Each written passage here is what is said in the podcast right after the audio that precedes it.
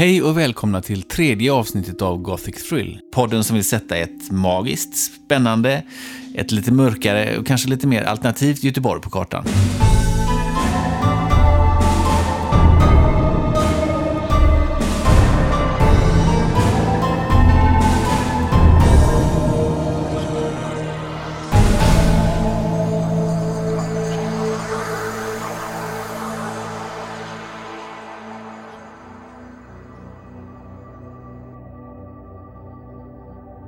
Hej och välkomna till tredje avsnittet av Gothic Thrill.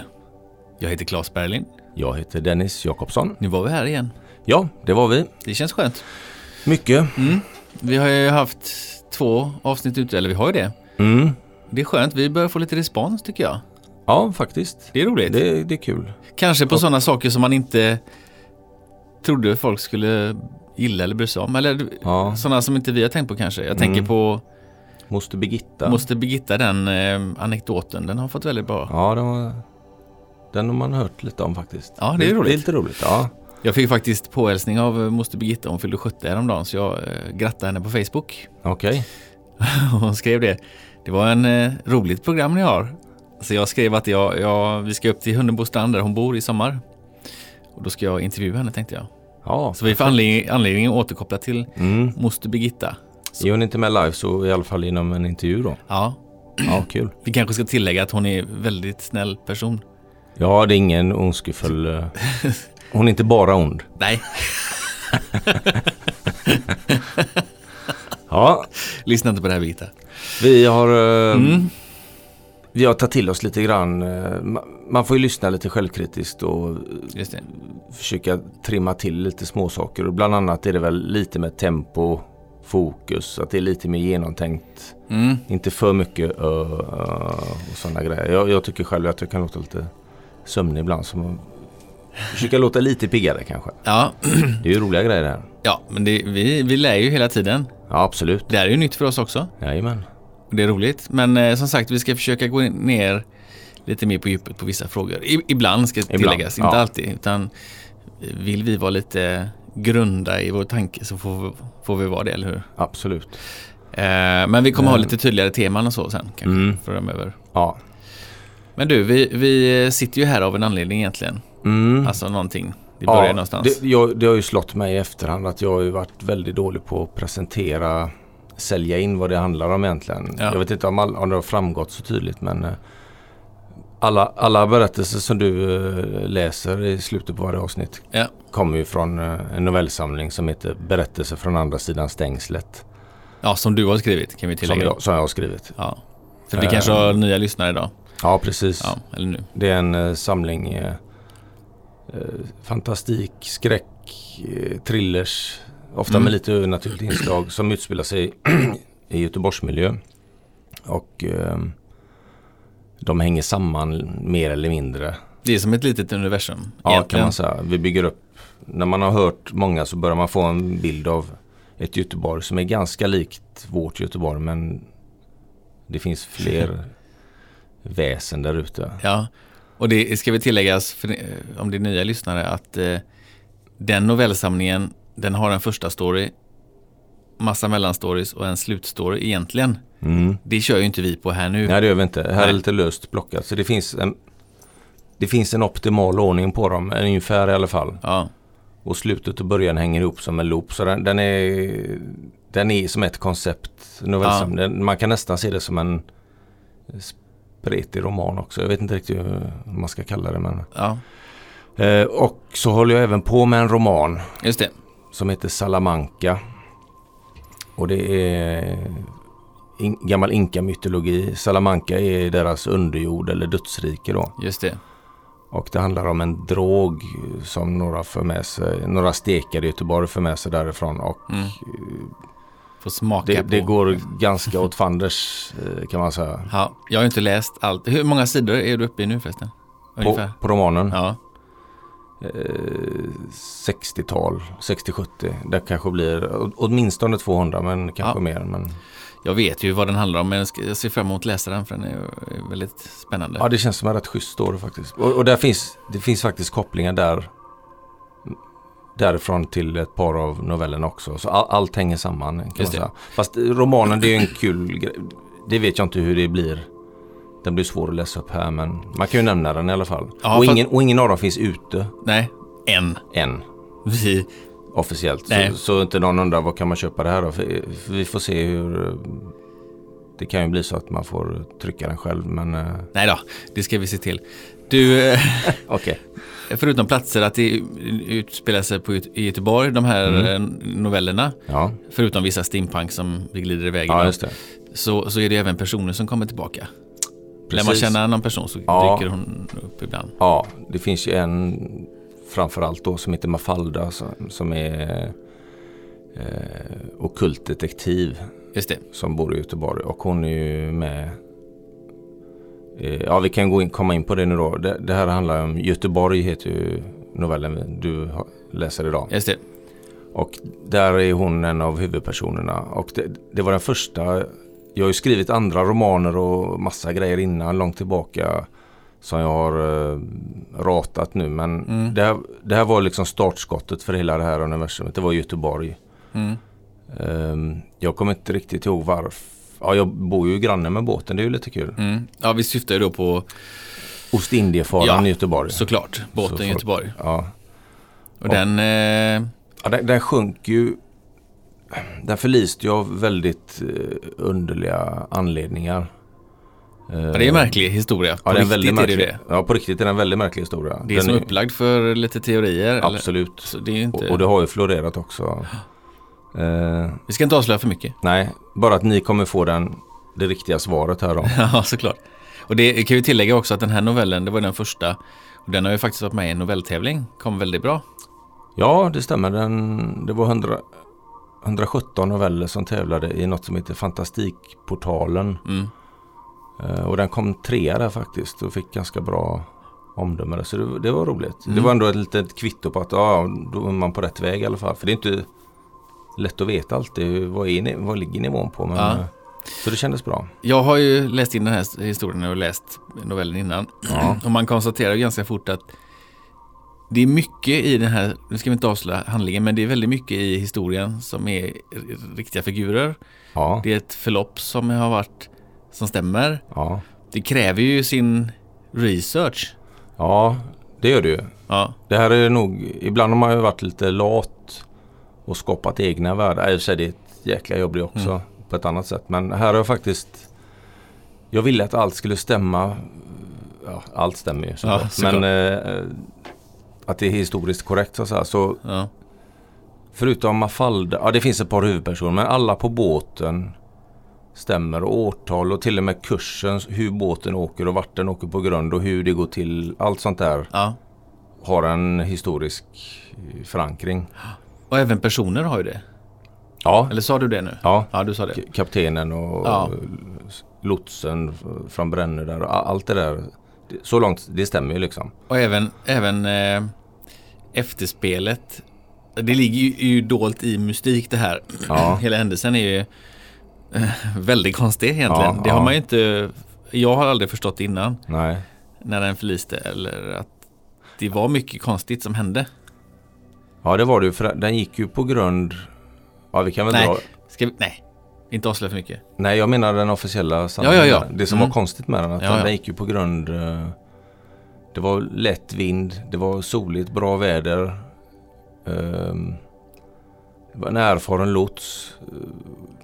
Ja, allting var frid och fröjd och, och de går rakt på ett välkänt grund. Ja, Och eh, dessutom om man som lots är ansvarig för att båten går på grund. Händer någonting så får han stå till svars och går båten på grund. Då är det liksom eh, hej då. ja. Annars. Det, Men- visst men var det, så det- att det på riktigt Ja visst. förliste båten så var det straffat Ja. alltså med livet Ja, som insats? det var, du fick kanske springa gatlopp om du ställde till det. Men, men sjönk båten då, då låg du risigt till alltså. Ja, Annars fick du nog hyfsat, förhållandevis hyfsat betalt så de slogs ju om Mm. att få Men eh, nej, den gick ju på grund då och, och han blev, togs in till förhör eh, Ett kort förhör bara, eller man satt inne i en arresten på, jag tror det var på Nya Älvsborgs fästning Och sen blev han släppt och, det var inget mer med det och man fick inga, inga papper läckt ut därifrån var, Man hittade inga dagboksanteckningar från prästen efter, efter den hade sjunkit. Och de, Person, personer som försvann. ja, i slutet som vi inte behöver gå in mer på nu men väldigt, väldigt oklara omständigheter. Ja. Och en del sa att det var, kan ha varit försäkringsbedrägeri men jag, ja, jag vet inte. Ja men så, det skeppet var ju lastat med så mycket Ja det var ju sådana rikedomar så det Ja, det var ju som att komma med ett BNP i bagaget. Ja. Det, det var ju sinnessjuka. Och de, och de lyckas ju bärga, ja, det var två tredjedelar eller någonting. Ja. Det allra mesta faktiskt. För den sjönk ju inte med en gång, den låg ju där i leran länge. Ja. Men eh, Ja. ja. Mer om detta i, om detta. i novellen sen. Mm. Men du, vi, jag har ju sett och kompisar till oss har ju sett väldigt konstiga förfrågningar från dig emellanåt på typ Facebook. ja, just det. Och i början så skrev du inte vad det gällde Nej. utan det kunde komma väldigt eh, morbida frågor Ja, tills vi insåg då att du faktiskt gjorde research. ja det, det är ju en dubbeleffekt. Det är ju research och samtidigt är det ju skapat lite intresse kanske för, för grejerna. Men eh, ja visst, jag, Ja. jag, jag har ju kontaktat många olika ja, sjöräddningen och polisen om hur man gör husrannsakningar på båtar. Det har inte med den här novellen att göra. Och jag har ringt om eh, jag kommer inte ihåg var det var någonstans men det var en köttkvarn. ja, Vad har du Du fått för respons då? Nej, det, det handlar om att måla ner en... Jag, jag, det var någonstans jag ringde, jag kommer inte ihåg om det fanns elektriska köttkvarnar som en privatperson kunde få tag i på 50-talet. Ha? Och om man i så fall kunde få ner en kropp i den. Och han blev ju lite tyst i andra änden. Men det fanns det ju då. Ja. Och, och läke, Läkemedelsverket ringde till en annan angående en gammal roman som jag la ner sen. Om Ja. man kunde... Det gäller det här blodförtunnande medlet Varan. Mm. Om man kunde lura i någon tillräckligt mycket Varan. För det första om man kunde byta etiketter på burk. Om man kunde liksom smussla med sånt Ja. och lura i någon stackare då så pass mycket Varan att han av något slag eller en liten olyckshändelse kunde förblöda. Om man kan Ja. döda någon med Varan. Var inte så långsökt tanke kanske? Nej, egentligen inte. Och då, då blev hon ju alldeles tyst i andra änden och varför vill du veta detta? Men jag förklarar att jag Och då skrev frågar du, var bor du? Ja, precis. Men hon, hon var lät lite reserverad men Ja. det, det kunde man ju tydligen göra. Ja, Och jag har även kontaktat fri, frimurarna också. ja det... Och det var inför, det var väl inför Göteborg tror jag egentligen. Jag Nej, nej det var det inte. Nej. Det var en annan berättelse. Men ehm, jag fick prata med någon, någon av höjdarna i, Mm.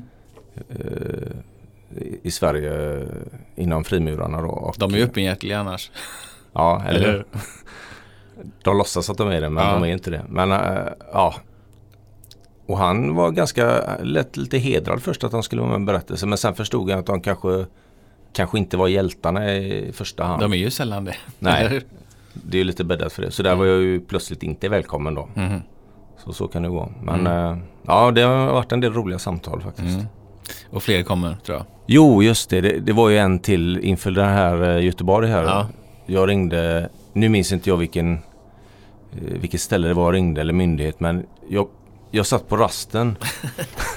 jag tänkte det, här- det här går snabbt. Jag, jag, Det hinner vi med. Ja, det hinner vi med. Ja. För jag tänkte jag, jag ringer bara och hör hur de här lotsarna tar sig ut, tog sig ut till båtarna för. ja, just det. Hur det fungerar. Ja. Ja.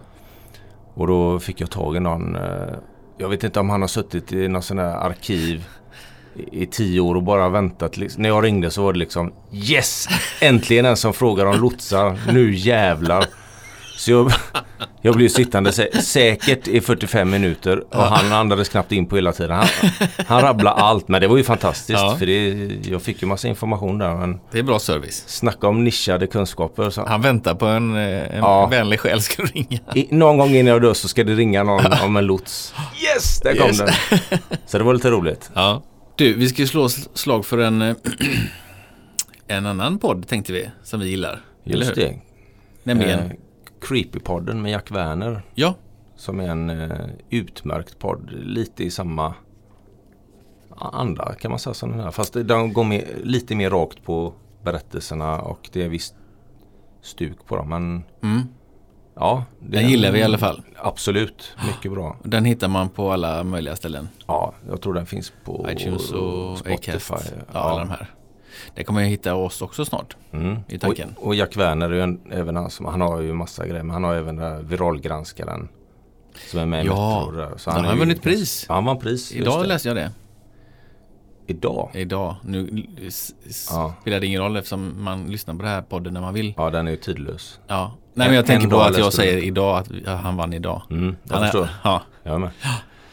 Eh, ja men vi vill slå slag för eh, Creepypodden. Absolut. Eh, bra. Mycket bra. Good shit. Mm.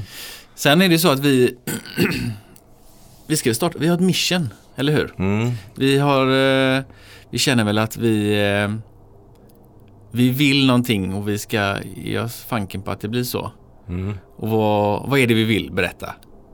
Eller vad är det vi ska försöka Ja. åstadkomma? Det här är lite som att en liten hob ska släppa en ring till domedagsklyftan. Men det, allting går ju då. Inget omöjligt. Det handlar om en novell och vi Ja. har en i åtanke som skulle läsa den. Ja, en känd person som lämpar sig väldigt bra för denna, eller hur? Absolut. Mm. Ehm, och vi ska nu läsa upp ett öppet brev till den här personen. Mm. Som du kommer klippa eh, ut den här ljudfilen och skicka till hans agent. Så, han, Just det. så han, han kommer få höra det, det vet vi i alla fall. Ja, första steget är då att skicka en ljudfil till hans agent där vi förklarar om eh, varför han ska läsa den här historien Just det. på en av våra novellerna här på podden. Mm. En gästläsare kan man säga. Ja, okej, då kommer meddelandet här. Hej Peter Stormare, jag heter Claes Berglind Och jag heter Dennis Jakobsson. och vi är två bröder som tillsammans har en podd som heter Gothic Thrill. Podden tar upp ett mer alternativt, spännande, magiskt och ett mer mörkare Göteborg. Nu är det så här Peter, att vi har en novell som är ämnad åt dig. Och ingen annan. Det är den bästa jag har skrivit och eh, jag skulle vilja att det finns bara en som kan läsa upp den Ja, och det är du. ja. Jag hade dig i åtanke när jag skrev den och eh, jag hade tänkt att du skulle läsa in den åt oss. Ja, vi kommer göra allt för att du ska göra detta. För att vi måste få dig att läsa den. Eh, om du inte läser den, vad ska vi göra då? Då ska vi åka upp till Ramberget och eh, sätta igång en brasa och så eldar vi upp novellen för då ska den aldrig läsas Nej. eller läsas upp. Eh, och kan du leva med det så okej, Vi vet ju att du är en hygglig prick precis. och gillar väl utmaningar. Kom igen nu Peter, du klarar det här. Eh, en sak du behöver veta Peter är att både jag och Dennis är extremt envetna och målmedvetna. Så vi, eh, det här är första steget mot vårt mål. Och vi hoppas verkligen att vi eh, får dig till att göra detta. Eh, din agent kommer att ha alla våra kontaktuppgifter och att vi hoppas att höra av er snart och framförallt dig. Så ser vi fram emot att få spela in den här med dig. Tack så mycket. Pip. Ja, där var det. Nu är det rullning, får vi se vad som händer. Ja, vi kan väl be också, eh, vi vet ju vem Peters agent är. Mm. Eh, eller vi får tag på honom. Men om det är någon här ute som har tips för oss hur vi ska kunna lösa vårt mission. För det här är bara första steget. Lyckas inte det här då går vi vidare på andra steg. Andra. Vi, Ja. ska, Det är den novellen och det är han som ska läsa. ja, vi kommer inte sluta förrän han säger nej, Nej. jag vill inte läsa. Precis. Eh, så har ni några tips hur vi ska kunna nå dit så får man ju höra av sig såklart. Ja, och då mejlar ni bara till våran e-postadress som är gothicthrill at gmail.com Gothic Thrill med O, med inte O och TH så det är engelsk thrill. Stavning. Gothicthrill at gmail.com Säger man Gmail? G- Gmail ja. Gmail. Inte Google Gmail. Mail. Nej, Gmail, det låter så jävla engelskt. Amerikanskt. Amerikanskt. Mejla till min Gmail. Det är som så New York eller Manhattan. Man säger Gmail. Vad vill du komma? Det heter inte Google. Det heter Google. Google. Kan leta Ja. upp oss på Google. Google. Ja. Uh, Gothicthrill at Ja. gmail.com. Du, vi har faktiskt en annan nyhet också. Ja, Vi har ju noveller som är ganska långa. just det. Eh, och vi försöker komma ut med podden varannan eh, vecka. Mm. Eh, men när det blir väldigt långa noveller framöver så kommer vi lägga bonuspoddar eh, mellan varandra de här veckorna. Så det blir varje vecka kanske. Ja. Där vi bara i stort sett spelar upp del två ur en novell. ja, just det. Ja, det är viktigt att påpeka. Ja. För det kan bli lite mastigt att höra. För en del är ju tre, fyra gånger så långa som de har läst upp hittills. Ja. Så, Det tar lite tid. ja, ja. Och sen har vi planer på lite annat. Kanske lite tävlingar och gästspelare Mm. av olika slag. Vi får Mm. se. Vi har lite... Vi kan inte avslöja alla godisbitar. Nej. Eller avslöja alla skor. Ja, du förstår vad jag menar. Okej då. Eh, är vi färdiga för idag? Ja, det känns så va? Ja. Då kör vi eh, novellen som heter Göteborg. Mycket nöje.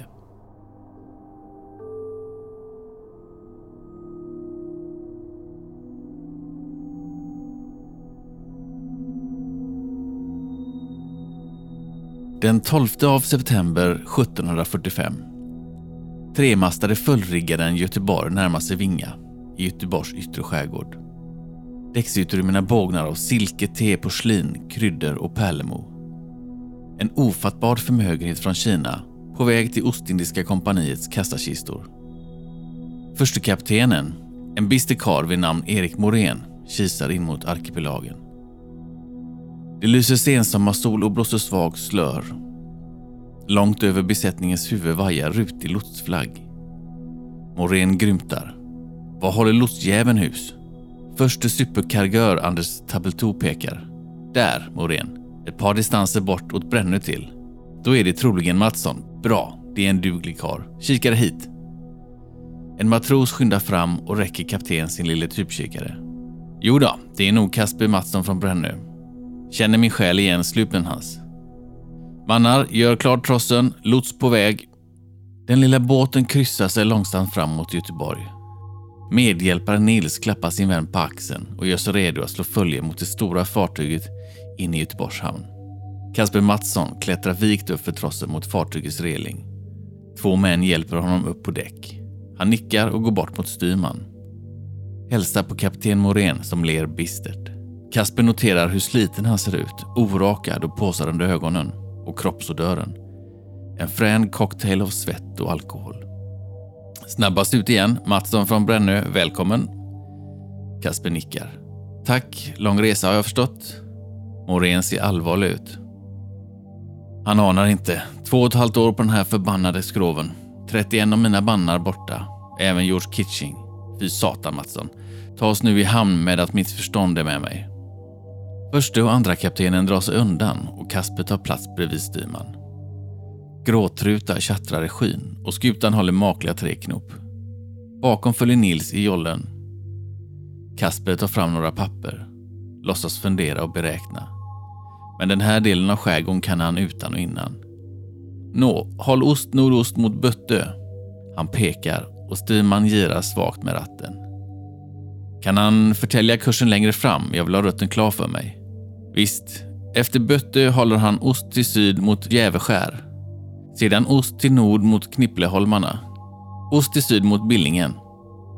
Styrman nickar, men han har redan glömt de flesta öarna och skär efter den evighetslånga resan. Eh, vi tar bit för bit, Brännö. Förut tonar fästningen Nya Älvsborg. En välkomnande symbol som bringar tårar i flera av mannarnas anleten. Plötsligt ljuder en hes röst i styrmans öra. 10 grader styrbord nu. Han vänder sig mot Mattsson. Anar för ett kort ögonblick en skepnad mellan sig och lotsen. En mager herre med rock och kavatt om halsen. Var det han som talat? Så är skepnaden borta igen. En gast. Men rösten upprepar. Styrbord för bövelen. Han nickar och vrider den knarrande ratten. Kasper vänder sig om, stirrar frågande på styrman. Håll rakt fram! Han navigerar ju rakt mot Hunnebåden. Babord för tusan jävlar! Men styrman står fastfrusen likt en vaxdocka. Hör inte lotsens gap. Sen händer det som inte får hända. Mitt i Rivefjorden, bara 900 meter från anläggningsplatsen, ränner Göteborgs förbog rakt in i undervattensklippan Hunnebåden. Ett brak och tvärstopp. Manskapet faller handlöst mot dörken. Flera slår i huvudena och saker flyger över däck. Klirr och dån ljuder från underdäck. Svordomar och skrik. Stora brottstycken av kölen syns under ytan. Kasper ligger på magen med ansiktet mot dörken. Det råder kaos. Folk som vrålar i munnen på varandra. Ingen fara, hon höll. Så fan heller, hon tar in vatten akterut. Byman reser sig upp, förvirrad. Håller om ett ont knä. Försöker reda ut situationen. Konstaterar snart att Göteborg är liggande med fören mot det förbannade Hunnebådsgrundet. Akten är söndertrasad och tar in vatten. Hon kommer sakta att tippa bakåt och glida ner i vattnet. Sätta sig slagsida i leran. Han håller händerna för munnen och vrålar. Sansa er mannar, hon kommer att sjunka, men långsamt. Adriansson, ner med dina matroser och rädda det ni kan. Använd en ballage till första sidoruffarna. Ni hinner hämta i omgångar. Silke och Pärlemor först. Algren, Nilsson och nattskiftet får livbåtarna i med all hast. Var redo att ta emot manskapet och last. Se till att hämta upp till satans fyllot Malmgren från britsen också. Och fan den som försöker fly eller stjäla.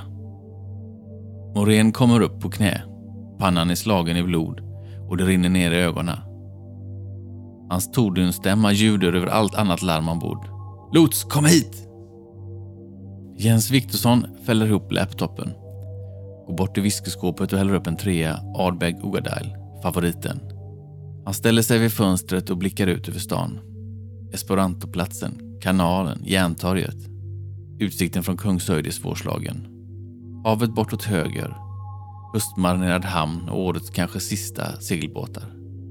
Viktorsson funderar på om detta är rätt dag att fota nere vid Eriksbergspiren. Bestämmer sig efter sista slurken att det är det. Dags att fixa sista researchfotona. Kanske till och med någon bild till boken. Sanningen om Göteborg, det är titeln, det har han bestämt. Med den gamla stavningen som även syftade till fullriggaren borta vid Eriksberg. Den exakta replikan av Ostindiefararen från 1700-talet. Källan till Jens besatthet. Skopet stod klart för ett par dagar sedan. Länge tvivlade han på att komma till något konkret. Något mer än bara en lösryckt, om en intressant konspirationsteori. Nu står saken i nya dagar. Fortfarande saknas den kanske sista pusselbiten. Men grundstötningen var otvivelaktigt planerad. Ostindiska kompaniet eller någon i dess styrelse låg bakom. Dagboksanteckningar från bland annat skeppspastorn Peter Holmertz och många andra hemligstämplade vittnesmål och dokument pekade två års pusslande på samma sak. Det fanns något eller någon ombord som inte under några omständigheter fick komma i hamn. Efter en förtöjning i hamnen skulle all last grundligt inventeras efter kompaniets direktiv. Lasten var värd en förmögenhet. Jens teori, som han hade antytt i flera artiklar och tv-program, hade stärkts och var grunden för en hel bok. Nämligen att grundstötningen var en medveten förvillningsmanöver för att kunna smuggla ut vad det nu var. Även här hade han teorier. Bland annat att förste superkargör, Anders Tabeltou var inblandad. Därför hade lotsen, som enligt reglerna skulle sota med sitt liv, helt förskonats. Alla noteringar från eventuella förhör var också förstörda. Bara en man i hans ställning hade makt att kunna iscensätta detta. Strax efter förhören hade han försvunnit till sitt hemland Frankrike. Det fanns tillfällen då Jens tvivlade på sin teori. Fann den alltför konspiratorisk och fantasifull. Men förlagen hade nappat och vinklingen på historien var otvivelaktigt både kittlande och inte helt osannolik. Han önskade bara kunna komma på vad som i så fall smugglas ut från fartyget. TV4 Morgon hade redan ryckt i honom, vilket var extremt smickrande. Men han hade tackat nej och bett att få återkomma i samband med boksläppet. Inte i krasst PR-syfte, nåja, inte bara. Nej, han ville inte få en fråga om något som inte var genomtänkt. För att övertyga en nation och kanske till och med ändra i historieböckerna var det givetvis nödvändigt att vara säker på sin sak. Klockan är fem minuter i tolv när färjan Älvsnabben dunsar emot däcken på Eriksbergs pir. Jens promenerar runt lite planlöst på kajområdet tittar bort mot nybyggnationen. Ett nyfunkisgetto för svennebanan i övre medelåldern. Sådana som sålt sina färdigmonterade villor och plötsligt blivit miljonärer. Sådana som kunde hysta in vilken insats som än krävdes för att få sin älskade balkong mot havet. Området var otvivelaktigt trivsamt och snyggt. Men som expert och insnöad nörd på hamnar i allmänhet och gamla Göteborg i synnerhet kunde han sakna det här ruffiga och genuina. Kvar fanns bara enstaka föremål för att ge en chic industrikänsla. Strategiskt utplacerade av designers och stadsarkitekter. Han knallade bort åt vänster. Till resterna av dockan där replikan av Göteborg byggdes. Tänker på varvverkstäderna som höll båtentusiasterna sysselsatta med sitt maniska bygge. Allt enligt det gamla sättet att bygga båtar. Till och med handtvinnade tampar och smidesarbeten. Systemkameran smattrar. Några skejtare rullar förbi. En ollie fryst i teleobjektivets lins. Längre bort står en gammal dam och blickar ut över hamninloppet. Fotna blir inte bra. Jens raderar några. Pustar. Styr stegen bort mot piren där nya Göteborg ligger förtöjd. Möter bara enstaka människor. Två stackare som huttrar med filtar över axlarna vid ett av kaféernas uteställen. Hur fan kan folk få för sig att fika utomhus så här års? Några joggare, inte mycket mer, tyst och kallt. Han stannar upp och tar upp sin Nikon igen. Fingrar lite frånvarande på objektivet medan han fascinerat betraktar fartyget. Brädornas smäckra linjer, stagen, masterna med sina utkiksplattformar. Inspirationen kommer. Pekfingret smattrar mot knappen. De vackert snidade fiskarna i akten. Jens går lite närmare. Doften av kära spökar närmast skrovet, fast vågorna för länge sedan borde fört bort den. Perfekta foton att ha vid arbetet med boken. En mås dyker ner i vattnet. Kalla brisar, kärdoft, knarrande steg. Jens trivs. Solen är redan på väg ner och folk skyndar fram med mössor och uppslagna jaktslag. Jens kilar in på 7-Eleven butiken och köper en sandwich. Tillbaka ute på Kungsgatan skymtar det första gången ögonvrån. Någon glor innanför butikens fönster. Han kikar in och får syn på en äldre man som ler åt honom. Det hade bara funnits ett ungt par där inne alldeles nyss. Mannen är klädd i gammaldags svart kostym, slips och hatt. Ögonen skuggas av brätten, men tänderna syns. Gula och smala. Plötsligt lyfter han ena handen och drar pekfingret över halsen. Du ska dö-gesten. Jens stirrar häpet. Blir förbannad. Vad i helvete? Han rusar in i butiken igen men blir stående innanför tröskeln. Lokalen är tom, så nära som på den unga tjejen i kassan. Hon tittar förvånat på Jens. Hej, glömde du något? Han blickar förvirrat runt. Uh, stod det en man här inne nyss? Hon ler osäkert. Inte vad jag vet. Letar du efter någon? Jens skakar på huvudet. Nej, jag, nej, det var inget. Nej. Han går ut igen och fortsätter hemåt. Kungsör är en märklig plats. En asfalterad höjd mitt i stan, täckt av stora huskroppar. Men denna urbana jättepuckel är ihålig. Under bebyggelsen ruvar gångar och schakt i flera plan. Gömda gamla skyddsrum och militära förråd. Ledningar och rör. Stationer med ström starkare än ett halvt dussin tågledningar. Ibland hörs ljud där nerifrån. Slag och pulserande dån som letas upp via avloppssystemet och värmerör. Något som hyresgästerna försöker nonchalera, men det finns där hela tiden. Vissa dagar hörs det mer än andra, värst i nätterna. Djupt där nere ruvar något som är på väg att vakna efter en uråldrig slummer. Längre ner på Kungsgatan far en ung kvinna runt i sin lägenhet och letar efter sina tabletter. Burken med Fix ligger öppnad på köksbänken. Men nu behövs inget sinnesutvidgande. Hjärnan håller på att explodera. Andevärldens ökade aktivitet driver henne till vansinne. Något håller på att byggas upp och epicentrum är inte långt borta. Mot hamnen till, eller Kungshöjd kanske. Där ligger den förbannade stesoliden. Hon tar av sig sina märkliga gula glasögon och lägger sig på sängen.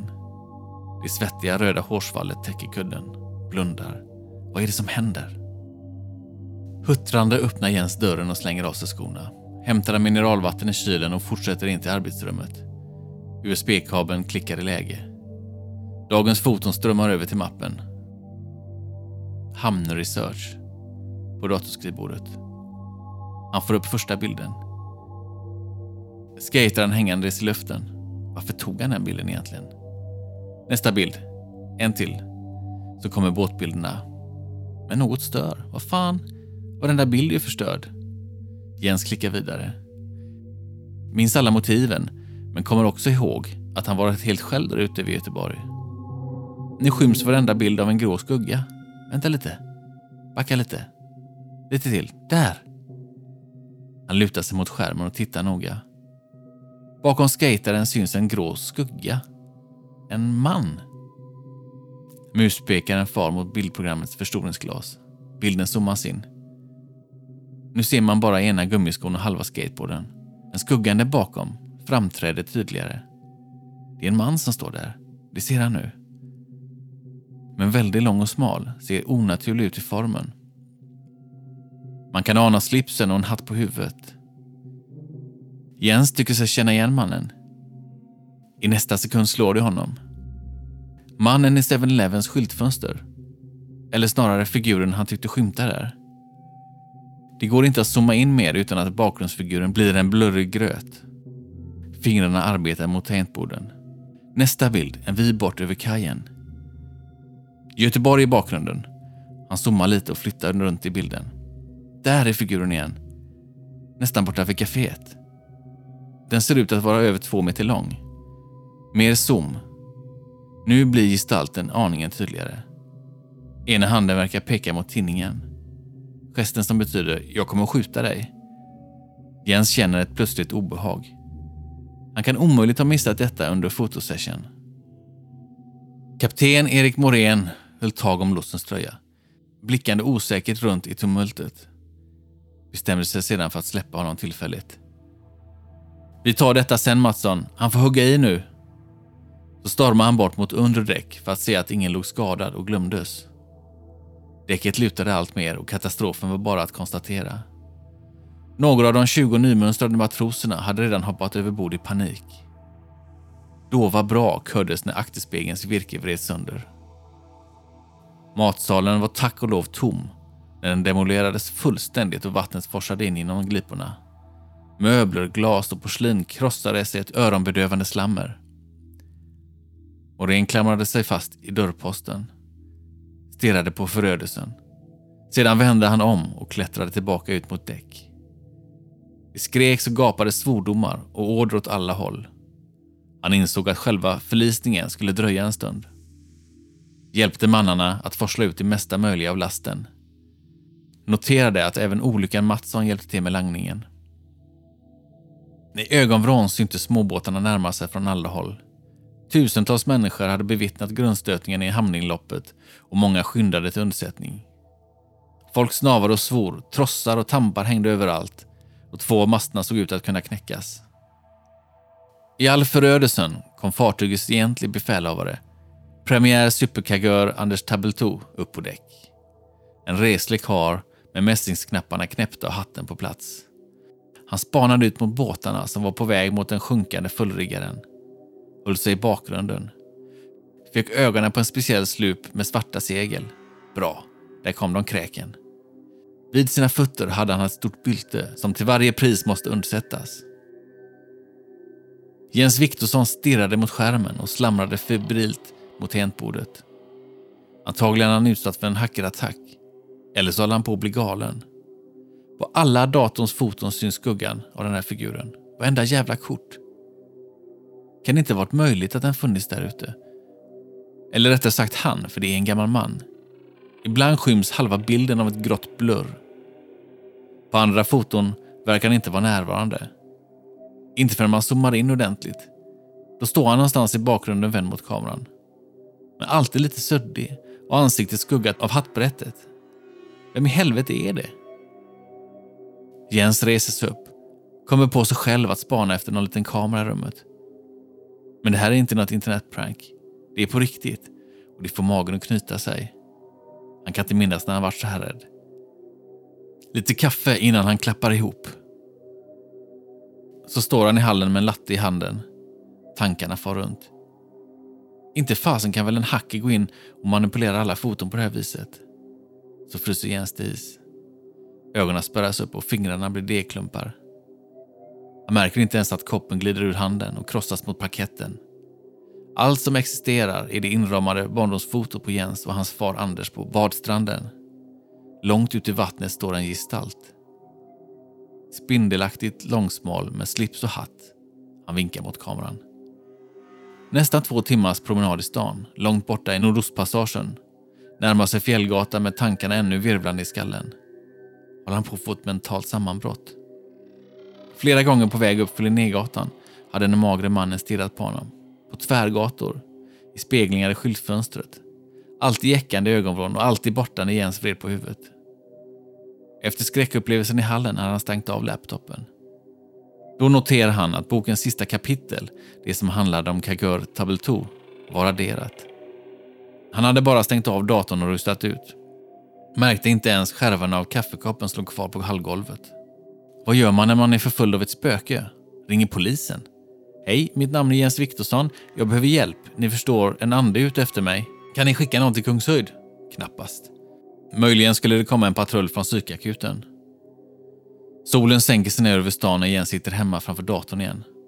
Fotot i hallen vågar han inte ens titta på efter sin promenad. Han bestämmer sig för att ringa någon om figuren är kvar där i bitti. Ett namn han har hittat i gula sidorna som skulle kunna vara en desperat utväg. Den natten sover många dåligt. Aktiviteten under Kungshöjd har ökat i intensitet och från värmerören hörs tjut som nästan låter mänskliga. Pensionerade läraren Bertil Jonsson och änkan Eva Bengtsson drabbas av en kraftig hjärtattack klockan 04.10, exakt samtidigt. Båda hittades avlidna av hemhjälpen nästa morgon. 14 datorer i området får sina hårddiskar kraschade. Nästan varje hund i trakten vaknar och börjar yla okontrollerat.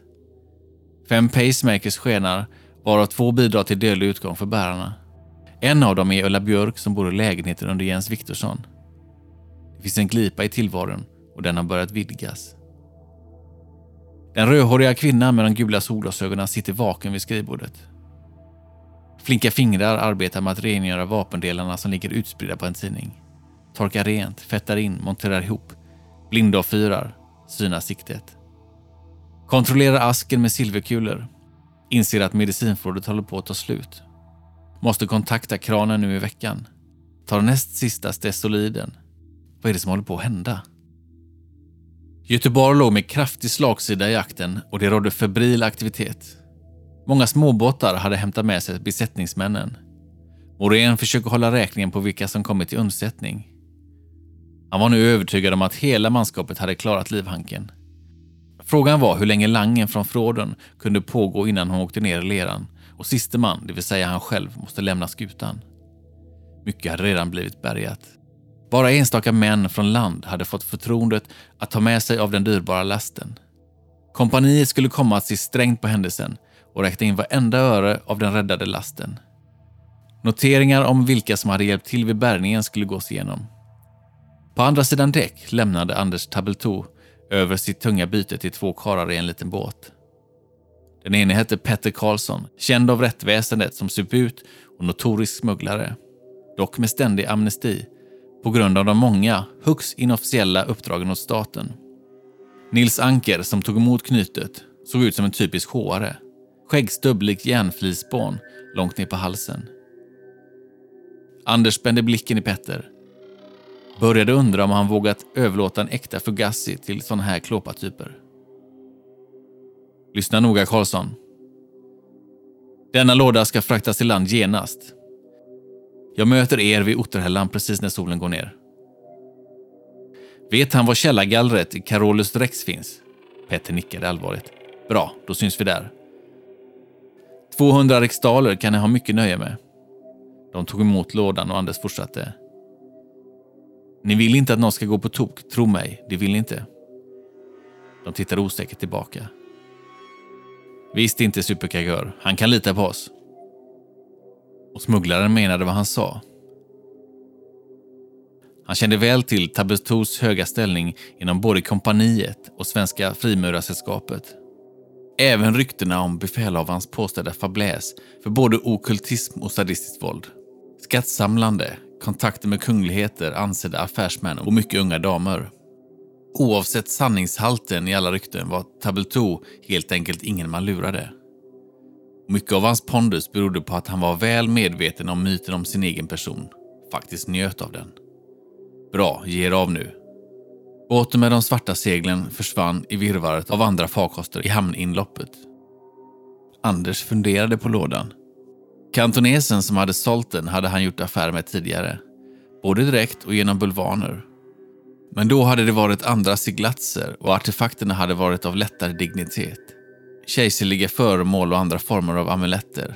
Det här var något helt annat. Och nu stod han under kompanis flagg och lupp.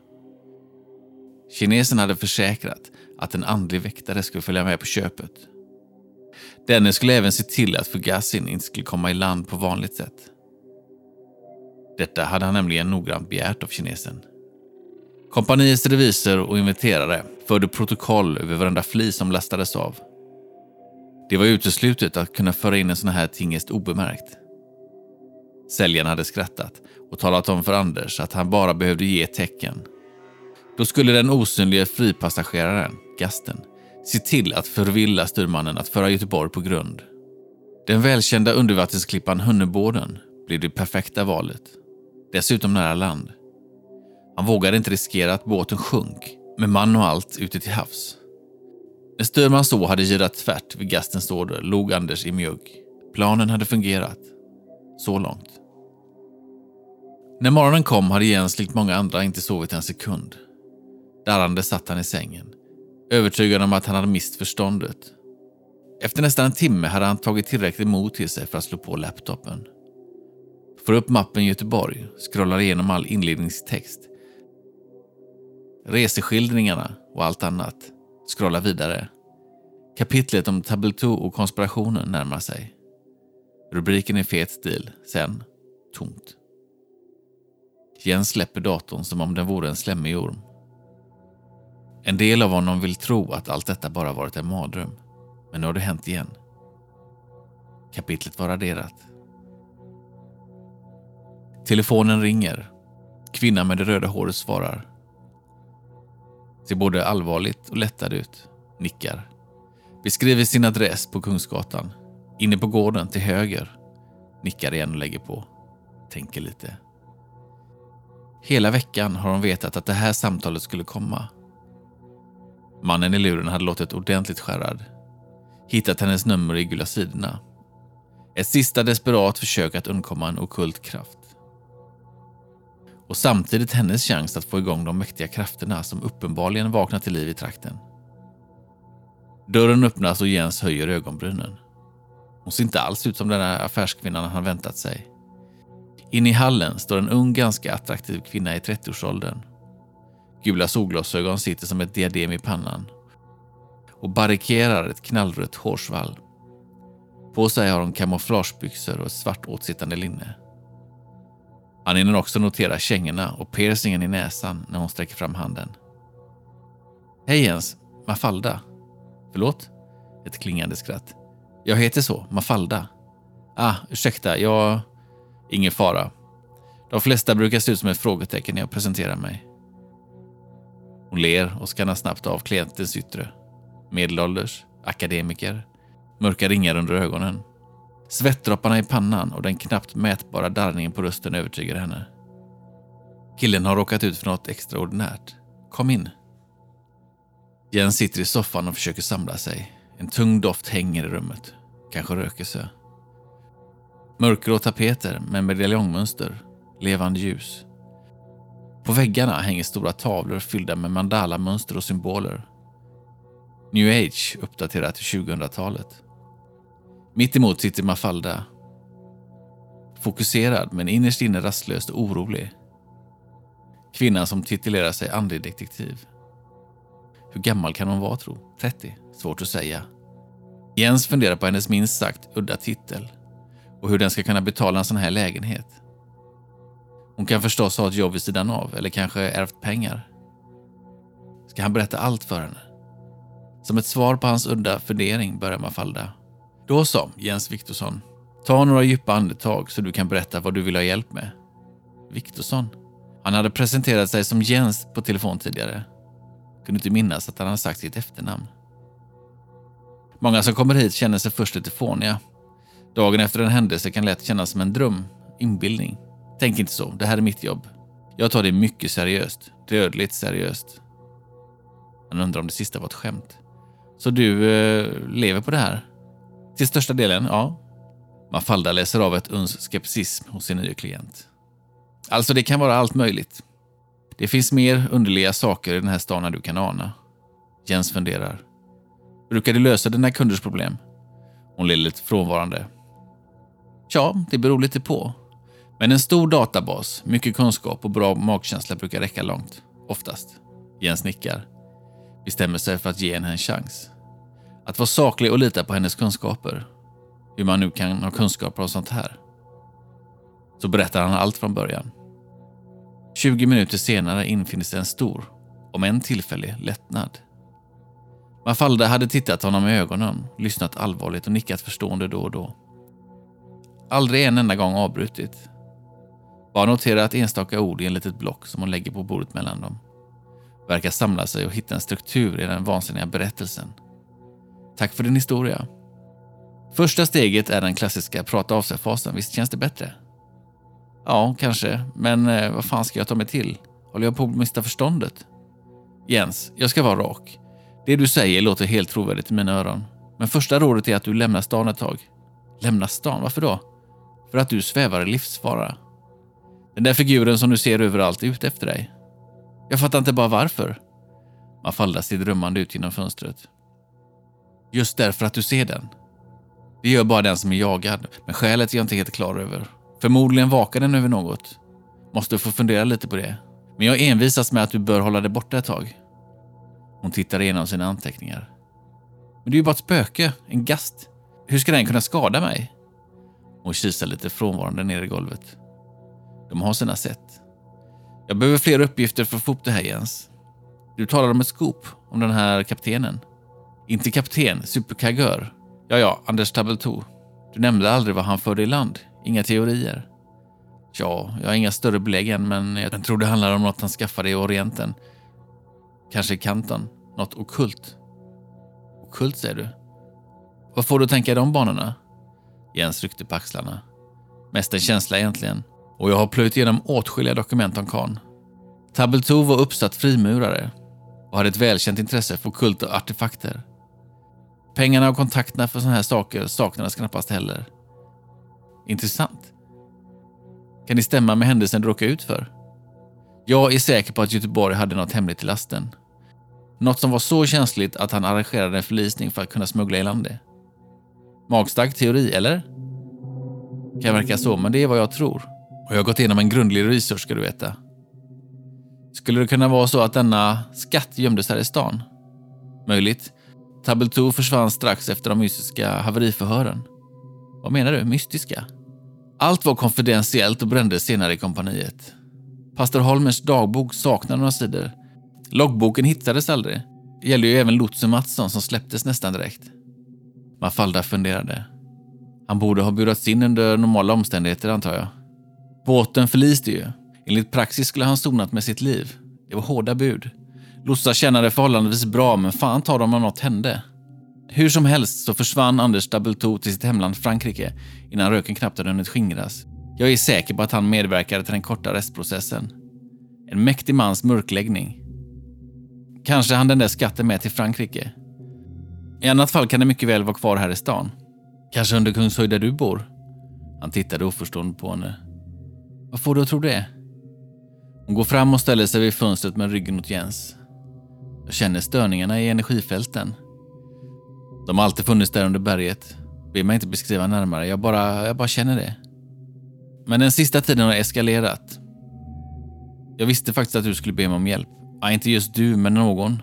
Den här figuren Gasten du pratar om, han vakar över skatten. Du börjar bli känd för dina konspirationsteorier i media, Jens. Därför vill han stoppa dig. Stick från stan ett tag så får jag nysta det här. Jens funderar. En del av honom ångrar att han gått hit. En okult detektiv. Det här är ju rena vansinnet. Men så kommer de senaste dagarnas minnen tillbaka. Skräcken han har känt. Känslan av att vara jagad av något. Han bestämmer sig för att ge Mafalda en chans. Och det finns ju knappast något att förlora. Pudelns kärna här är skatten. Har du någon teori av vad den kan innehålla? Mafalda vänder sig mot honom och ser för första gången bekymrad ut. En demon. Petter Karlsson och kupanen Nils Anker närmar sig västra sidan av Otterhällan. Det som senare även skulle kallas Kungshöjd. Båda till häst. Två gråa figurer som ingen fäste uppmärksamhet vid. Petter höll ett tungt bylte framför staden, invirat i en grå filt. Nere vid kanalen syntes lite folk, annars var det ganska lugnt. Nils spanade upp mot den klara sensommarhimlen. Solen dalade ner bakom hissingen. Nyfikenheten dallrade inom honom. Hundra riksdaler per man var ofattbart bra betalt. Men just därför ville han se vad superkargören hade bett den frakta hit. Det vore inte mer än rätt. Petter. Hästen stannade. Ja, ska vi inte ta en snabb inspektion? Petter blängde tillbaka. Och riskera att Tabelto tar oss av daga? Är du galen? Du känner inte den där karln? Nils ser sig snabbt omkring. Han är inte här än. Se så, låt oss se vad vi har släpat på. Petters fingrar kramar om tyget. Han hade själv tänkt tanken. Att hastigt avtäcka filten för att få en skymt av denna värdefulla last. Förmodligen en ovärderlig orientalisk klenod. Och Nils hade rätt. Varför skulle de inte få se vad de fraktade? Han grymtade och satte av. Nils kom fram och sjönk ner på huk med paketet mellan sig. Nere vid kanalen rörde sig enstaka människor, men smugglarna var helt fokuserade på sitt byte. Ingen av dem lade märke till ryttaren som närmade sig. En man vars huva skuggade ansiktet. På bröstet satt en gul symbol broderad. Frimurarnas kors. Mafalda sitter vid sitt köksbord och funderar. Klienten Viktorsson hade inte varit intresserad av att lämna stan. Han hade bara frågat hur betalning gick till. Hon lämnade över ett papper med olika tariffer och förklarade att betalningen sköttes efter utfört uppdrag. Han hade nickat trött och gett sig av hemåt igen. Avvakta lite medan hon forskade vidare, som han hade uttryckt saken. Men Mafalda är orolig. Undrar varför han inte kan fatta allvaret. Att sväva i livsfara är något han sköter respektlöst. Ju mer hon funderade, desto säkrare blir hon. Superkagören hade smugglat land en Fugazi, en kaosdemon. Hon ler bittert. Mänskligheten hade alltid byggt upp sin mytologi på det godas kamp mot det onda. När fan skulle de fatta att det handlar om ordningens kamp mot kaos? Kraften som sliter sönder tillvarons struktur och vräker ner den i ett virvlande mörker. Den, det ultimata kaoset, ryms i Fungassin som är gömd någonstans vid Kungshöjd. Hon tänker också på dess väktare. Gasten som Jens hade kommit i kontakt med allt oftare. Det förbannade väsen som vill stoppa alla som är demoner på spåren. Hon går igenom sina vapen en sista gång. Pistol med ljuddämpare, extra mag, kniv, ficklampa och attiraljer för inbrott. Samlar utrustningen i en väska och sätter sig sen på vardagsrumsgolvet. Hummar. Ljuset brinner. Rökelsen brinner. Mafaldas inre brinner. I natt är uppgörelsen här. För er egen skull, vira filten runt lådan igen. Tabutus barska stämma fick smugglarna rycka till. De tittar på varandra. Petter och Nils. Två småskojare, tagna med handen i kakburken. Som tur är hade de inte hunnit avtäcka den mystiska lasten. De hade bara skymtat metalllådan som låg invirad i tyget. Tabletoo besparade dem dåliga ursäkter. Ta er samman nu, förbannade sluskar. Se så, följ mig. Han red långsamt framför dem, bort mot porten i Carolus Rex. Otterhällans skansmur. Satte av och rasslade med en stor nyckelring. Blickade över området och klev fram mot det låsta järngallret. Smugglarna följde efter. Tysta med byltet i händerna. Nils var den första att märka av det. Ett kort störrande inifrån lådan. Strax efter kände också Petter det. Men ingen av dem sa något. Med olustig känsla i maggropen väntade de på att Tabletoo skulle öppna låset. Plötsligt hade ingen av dem lust att bära den här lådan. Med ett dovt gnissel gled dörren upp på sina kraftiga gångjärn. Tabletoo vände sig om mot dem, med ögonen glödande i huvans skugga. Raska på. Utmattad hänger Jens av sig jackan i hallen. På golvet ligger fortfarande den spruckna muggen. I huvudet återspeglas samtalet med Mafalda. Eller snarare brottstycken av det. Lämna stan är uteslutet. Visst, han är skrämd från vettet. Vågar varken kika mot skyltfönster eller tavlor in i lägenheten. Det är ingen tvekan att något är ute efter honom. Det finns ingen plan för att bryta den här mardrömmen och det känns i hela kroppen så fort han närmar sig hemmet. Som om hela Kungshöjd dallrade av ondska. Men så fan att han skulle fly med svansen mellan benen. Det är hans hem och hans sanning. Ingen gast skulle få stå emellan det. Fem minuter senare ligger han på överkastet med slutna ögon och lyssnar på talboken. Enda sättet att fly verkligheten en stund. Händerna trycker mot lurarna för att stänga ute omvärlden. Efter en stund kan han slappna av en smula. Vaggas in i berättelsen. Det är Gios ondskan på skivan. Huvudpersonen ska precis starta i simtävlingen, men Jens märker inte hur uppläsarens röst gradvis ändras. Hur den viker av från boken och börjar tala direkt till honom. Insmickrande och förtroendeingivande. En hes röst som verkar tröstande och förstå hans skräck. Plötsligt talar berättaren om lösningen på alltihopa.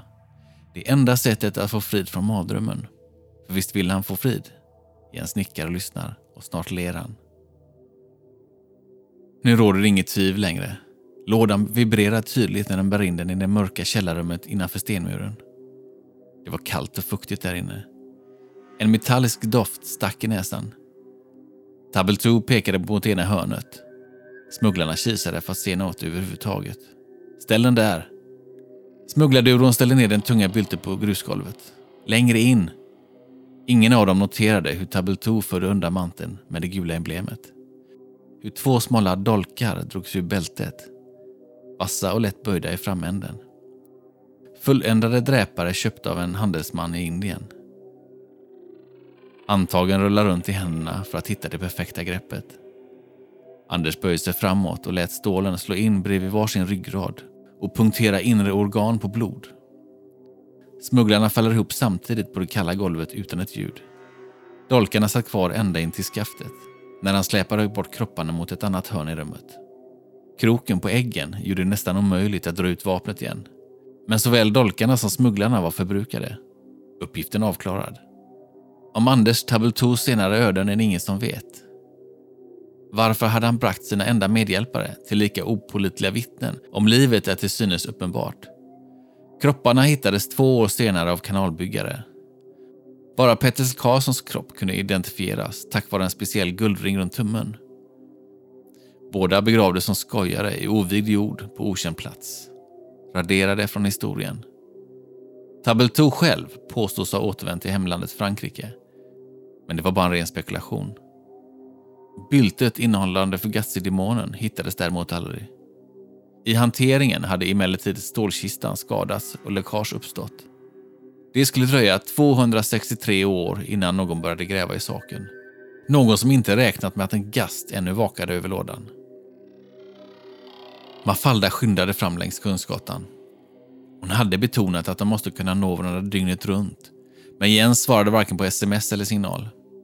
Intentionen svek sällan och var en viktig del i detektivarbetet. Något var åt helvete. Hon skuttar precis framför en signalerande spårvagn. Fortsätter upp mot den galna kullen som är Kungsörd, även kallat Otterhällan. Dubbeldos fixtabletter skärpte fokus till maxnivå. Mafalda var nu en blodhund. Hans adress finns nedskriven på en liten lapp i fickan. Varför hade hon inte undersökt det här stället långt innan Jens sökte om hjälp? För varje steg kändes kraften tydligare. Hon kunde nästan föreställa sig en dimma av galenskap slingrades runt stadsdelen. Om inte annat så var alla notiser i dagspress talande nog. En oproportionerligt stor del rörde just dessa gator. Rån, konstiga olyckor, attacker gjorda av galenpannor och liknande. Hon hade en byrålåda full av urklipp där hemma. Hon kikade på namnskylten bredvid porten. J. Viktorsson, våning 6. Manicken gjorde sitt jobb i nyckelhålet. Efter lite trasslande klickade det till. Hon går in. Tanken fanns att något kunde gå galet, så hissalternativet går bort. På väg upp i trappan plockar hon fram sin specialladdade revolver. Fick strömma genom kroppen när kängorna smattrar mot marmorn, våning för våning. Där, dörren till vänster. Håller andan, lyssnar. Ingen här. Tar fram manicken igen. Det krånglar. Låset vill inte ge med sig. Hon kontrollerar att ljuddämparen sitter på ordentligt, siktar och vänder bort ansiktet. Ett dämpat brak. Hela låsinsatsen pulveriserad. Dr. Martin skjuter upp dörren, med revolvern framför sig kliver man falla in i hallen. Stannar upp vid den spräckta muggen vid golvet. Några foton som hänger snett. Tystnad. Förutom den inre larmklockan som tjuter likt en galen ångmaskin. Fötterna undviker skärvorna hasande steg in i vardagsrummet. En persienn slår mot det gläntande fönstret. Så far hon runt med ett flämtande. avfyrar så när vapnet. Men hinner besinna sig i sista stund. Fan, fan, fan! Lampan är prydligt nedställd på golvet och takkroken håller på att ge efter för Jens Viktorssons 85 kilo. Piss och avföring hade bildat en mörk rännil efter byxbenet. Ögonen står ut onaturligt. Men det är inte därför Mafalda skriker till. Hans mun ler. Fienden hann dit före. Jens förstod att en gast knappast kunde åsamkalla fysisk skada. Men han hade underskattat hur mentalt övertygande den gamle mannen kunde vara. Den aggressiva form av hypnos som är mycket svår att värja sig från. På sängen ligger en gammaldags CD Freestyle. Skivan snurrar fortfarande. Mafalda lyfter upp en av lurarna och sätter den försiktigt mot örat. Hon hör ett skrockande. Det låter nästan som en sån där skrattpåse man köper i skämtbutiker. En evig skrattloop som bara fortsätter och fortsätter tills hon inte klarar av mer utan släpper lurarna och sätter ett skott rakt i spelaren. Längre bort står en laptop uppslagen på skrivbordet. Hon klickar så att den går ur sitt standby-läge. Word-programmet kör igång. Längst upp på skärmen står rubriken “Sanningen om Göteborg”. Resten av sidan är tom, raderad. Hon går ner för backen mot Kaserntorget, både uppgiven och förbannad. Pulsen slår ännu hårt i tinningarna. Nackhåren reser sig av all okult aktivitet som sjuder under berget. Men det får bli en annan gång. Just nu är hon bara arg på sin förlorade klient. Och på sig själv, som inte övertygat honom om allvaret i situationen. Det känns mörkt och tomt. Grå moln tonas över staden och folk skyndar fram med tomma blickar och neddragna mössor. Det är dags att gå hem och få i sig något bedövande. Ladda om. Hon passerar 7-Eleven butiken på hörnet, korsar övergångsstället och fortsätter ner för Kungsgatan. Hade hon stannat och vänt sig om så skulle hon se något skymta där i skyltfönstret. En man med mörk kostym och kravatt. Ett ansikte magert som en döings. Han lyfter på hatten och ler.